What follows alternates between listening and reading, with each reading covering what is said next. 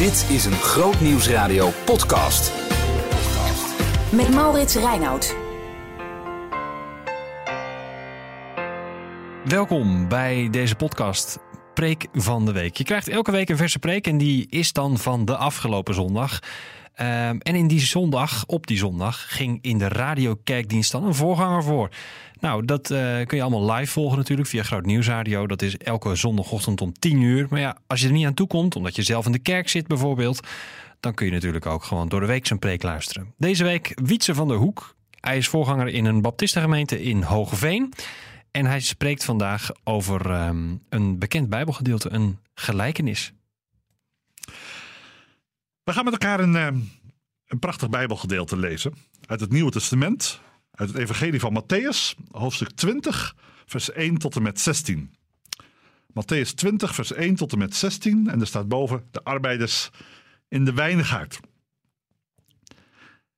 Want het koninkrijk der hemelen is als een heer des huizes, die s'morgens vroeg erop uitging om arbeiders voor zijn wijngaard in te huren.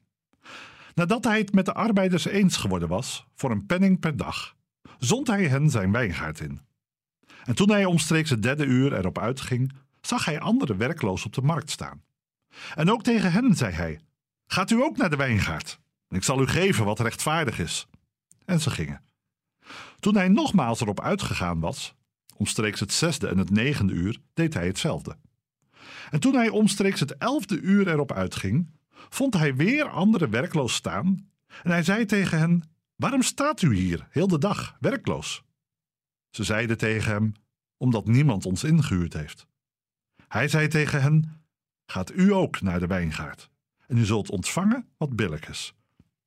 Toen het avond geworden was, zei de heer van de wijngaard tegen zijn rentmeester: Roep de arbeiders en geef hun het loon, te beginnen bij de laatste tot de eerste.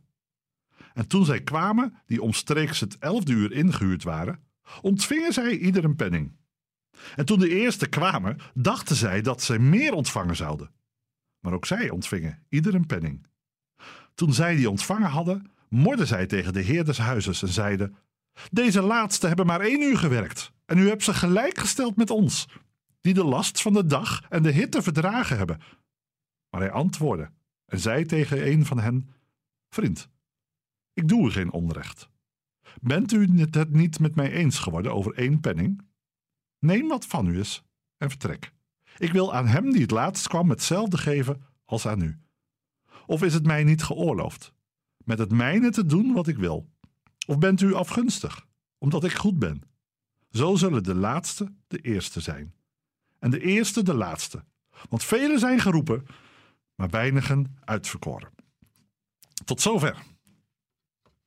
Beste luisteraars, het blijft altijd een bijzonder verhaal. Het voelt op het eerste gezicht een beetje oneerlijk. En toch, als je dit verhaal helemaal losknipt, knipt, en je zo dit voor het eerst zou horen, zou je kunnen afvragen: maar wat wil Jezus nou duidelijk maken met dit verhaal? Is het een soort pleidooi voor het communisme? Iedereen evenveel op uh, alle momenten? Het maakt niet uit wat je doet. Is dit tegen rijke mensen? Die hard willen werken, een eigen bedrijf willen hebben en toch nou, daarmee wat willen winnen? Is het een pleidooi voor lekker lang leven en alles doen wat God verboden heeft en op het laatste moment je leven aan Jezus geven? Want ja, hè, het kan misschien nog altijd. Je hoort wel eens van die verhalen. Heel je leven lekker alles gedaan hebben en op het laatst toch nog voor Jezus kiezen en hetzelfde ontvangen. Als je dit verhaal losknipt uit de omgeving, zou je er zoiets van kunnen maken. Als ik dit verhaal gewoon los aan niemand vertel, dan kun je er alle kanten mee op. Maar in de Bijbel is het altijd goed om de verhalen in zijn context te lezen. En ook dit verhaal is het gevaarlijk om dit zomaar te lezen en ook, nou ja, zomaar los te interpreteren. Want het verhaal gaat iets verder terug. Want als je terugbladert in je Bijbel en je kijkt naar hoofdstuk 19, dan zien we meerdere verhalen daar staan. En al vlak voor dit verhaal, in hoofdstuk 19, vers 27, zien we dat Petrus en de discipelen tegen Jezus zeggen: Zie, wij hebben alles verlaten en zijn u gevolgd. Wat zal ons deel zijn? Dus de discipelen die vragen al: Heren, wat gaan wij ontvangen? We hebben, uh, we hebben zelfs alles verlaten, we zijn u gevolgd. En als je nog verder terugleest in hetzelfde hoofdstuk 19, en dan staat, nou kijk naar vers 16, was er een man, een rijke jonge man, die aan Jezus vraagt: Goede meester, wat voor goeds moet ik doen om het eeuwige leven te hebben? Die vraag alleen al: wat moet ik doen? Nou, zou je denken: hard werken, heel veel uren werken of allerlei andere dingen. Dus dit verhaal gaat niet alleen over een losse gelijkenis, maar vindt zijn context alleen al in het gesprek tussen Jezus en de discipelen. En dat gesprek vindt weer plaats naar aanleiding van een vraag van een jonge man uit het publiek die vraagt: Wat moet ik doen om het eeuwige leven te beërven? Goed, weer terug naar de gelijkenis. Dit is goed om te weten, want we zien het beeld van een soort trapsgewijze opbouw dat er een grote oogst is. We lezen dat in vers 1 als een heer des huizes s'morgens vroeg erop uitgaat om arbeiders voor zijn wijngaard in te huren. Dat vroeger op uitgaan, dan moet je je voorstellen dat er in al die dorpen in Israël een grote markt was. Een marktplein, en zeker in een hete omgeving waar het behoorlijk warm kon worden, was om zes uur s morgens was die markt er al. En dat was niet alleen de markt van groente en fruit en het verhandelen van allerlei andere dingen. Maar in die tijd was het ook zo, in een boeromgeving, dat als jij wat extra arbeiders nodig had voor je oogst, dan ging je naar die markt toe en dan verzamelde zich daar rond een uur of zes morgens ook een hele groep mannen die je voor een dag kon inhuren. Om jouw oogst of een klus te doen of wat dan ook. En hier zien we dat deze man er dus om zes uur s morgens al uitgaat. Die gaat naar die markt toe. En dan moet je je even voorstellen, wie staan daar om zes uur? Ja, dat zijn natuurlijk de mensen die op tijd uit hun bed zijn gekomen. Die zin hebben om die dag in te gaan. En die, ja, die, die klaar zijn. Dat zijn de mensen die, die willen ervoor gaan. En deze man, die heer des huizes, gaat er naartoe. En hij maakt een goede contractafspraak. Eén penning voor een dag. Zo staat in vers 2. En ze zijn het ermee eens. Maar goed, er is veel werk in de wijngaard. En het omstreeks het derde uur ziet hij nog meer mensen staan. Dat zijn de mensen die niet gelijk geroepen zijn. Je kunt je natuurlijk wel voorstellen dat de beste werkers natuurlijk als eerste gekaapt werden. Dus dat is logisch. Als je dat te kiezen hebt, dan kies je het beste uit. En zo gaat hij op derde uur. Staan er nog steeds mensen werkloos op de markt. En hij zegt, maakt ook met hun een afspraak. Ik zal u geven wat rechtvaardig is. En zij gingen. En zo gebeurt het nog een keer, het zesde uur. Dus dan is het inmiddels al twaalf uur s middags, het negen uur, dan is het drie uur s middags. Het wordt pas interessant als we naar vers 6 kijken, als het vijf uur s middag is. Je moet je bedenken dat de werkdag duurde tot zes uur. Zelfs in dat laatste uur wil hij nog mensen treffen. Even meedenken. Wat voor mensen zullen we daar aantreffen op dat marktplein om vijf uur s middags? Ik denk dat ik het wel weet. Denk als je even heel goed nadenkt, zijn dat de mensen die niemand wil hebben. Denk aan mensen die misschien uh, gewoon lui zijn. Uh, misschien zijn het mensen die geen diploma's hebben. Tegenwoordig zou je denken mensen met een Marokkaanse achternaam, die ook nog wel eens een keertje hè, wegens uh, een achternaam al niet gewend zijn. Misschien mensen met een vreemd uiterlijk, gehandicapt, strafblad. We kunnen vandaag de dag onze eigen redenen wel verzinnen. Het zal in die tijd misschien niet anders geweest zijn. Maar om vijf uur s middags hoef je niet de beste medewerkers meer te treffen. Als de Heer ook vraagt in vers 7 en 6: Waarom staat u dan de hele dag hier nog werkloos? Dan zeggen ze zelf het antwoord al: Omdat niemand ons heeft ingehuurd. Het is een trieste conclusie. En dan zegt de Heer: Gaat u ook naar de wijngaard en u zult ontvangen wat rechtvaardig is. Nou, dat gebeurt. En niet heel veel later wordt alle, worden alle werknemers bij elkaar gezet en is de vraag: Nou, wat gaan we krijgen? En het interessante is, als we gaan kijken, dat ze staat: roep de arbeiders, ze geven het loon.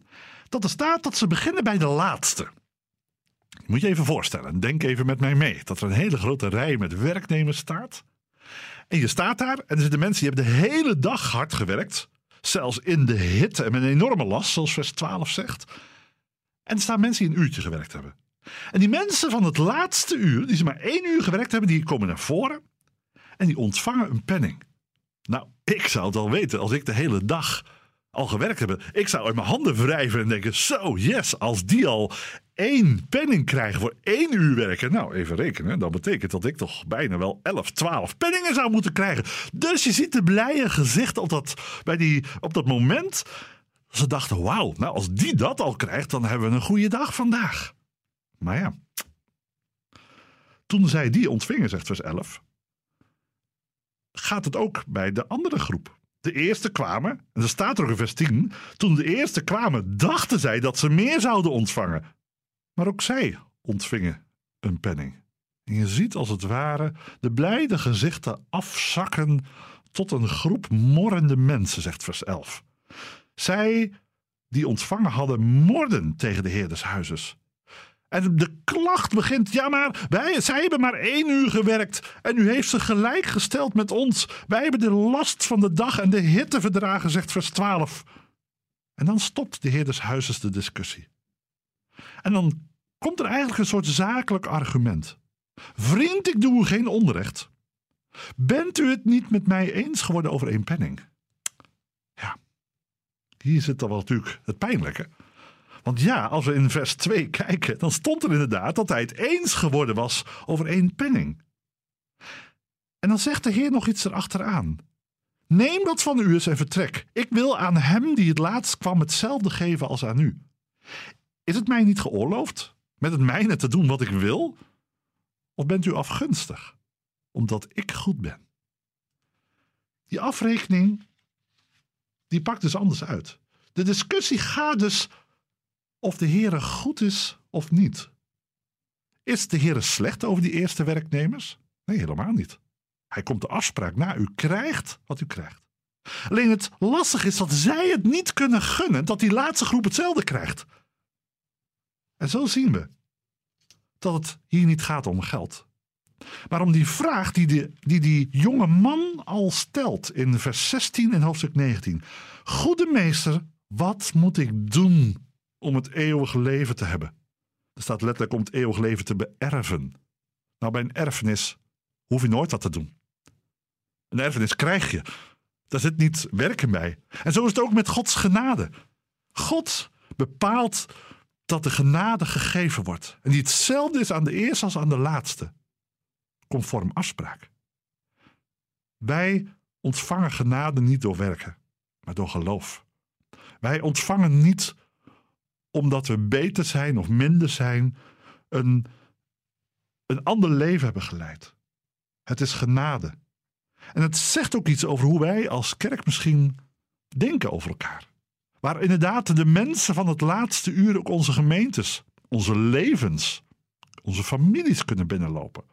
En ja, er zijn altijd mensen ja, die niet zonder reden bij dat laatste uur staan. Omdat het leven anders is gelopen. Omdat ze andere keuzes hebben gemaakt. Omdat ze, nou, vul maar in.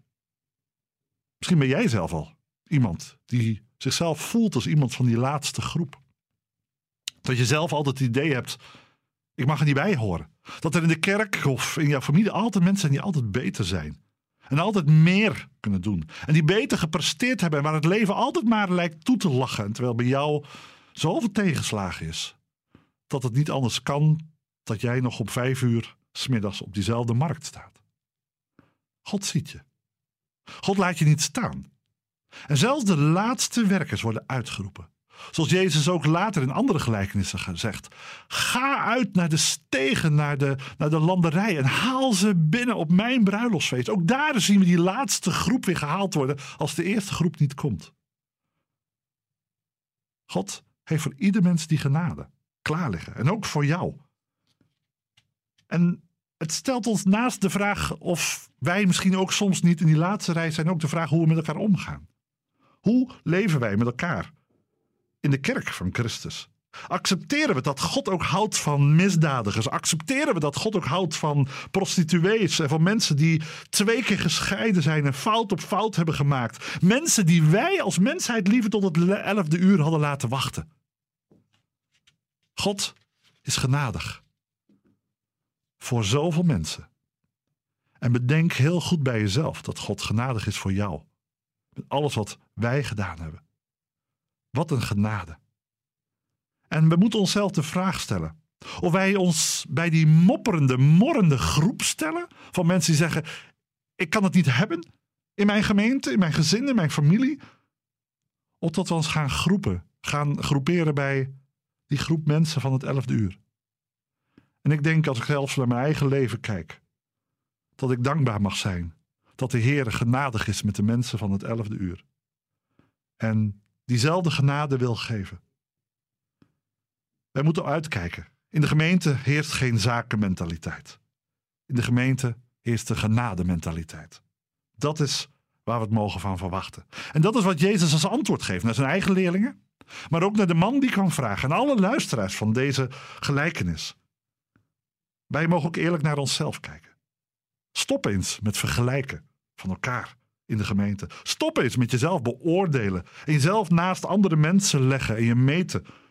Stop eens met kritiek hebben op God, omdat Hij niet volgens jouw maatstaven denkt.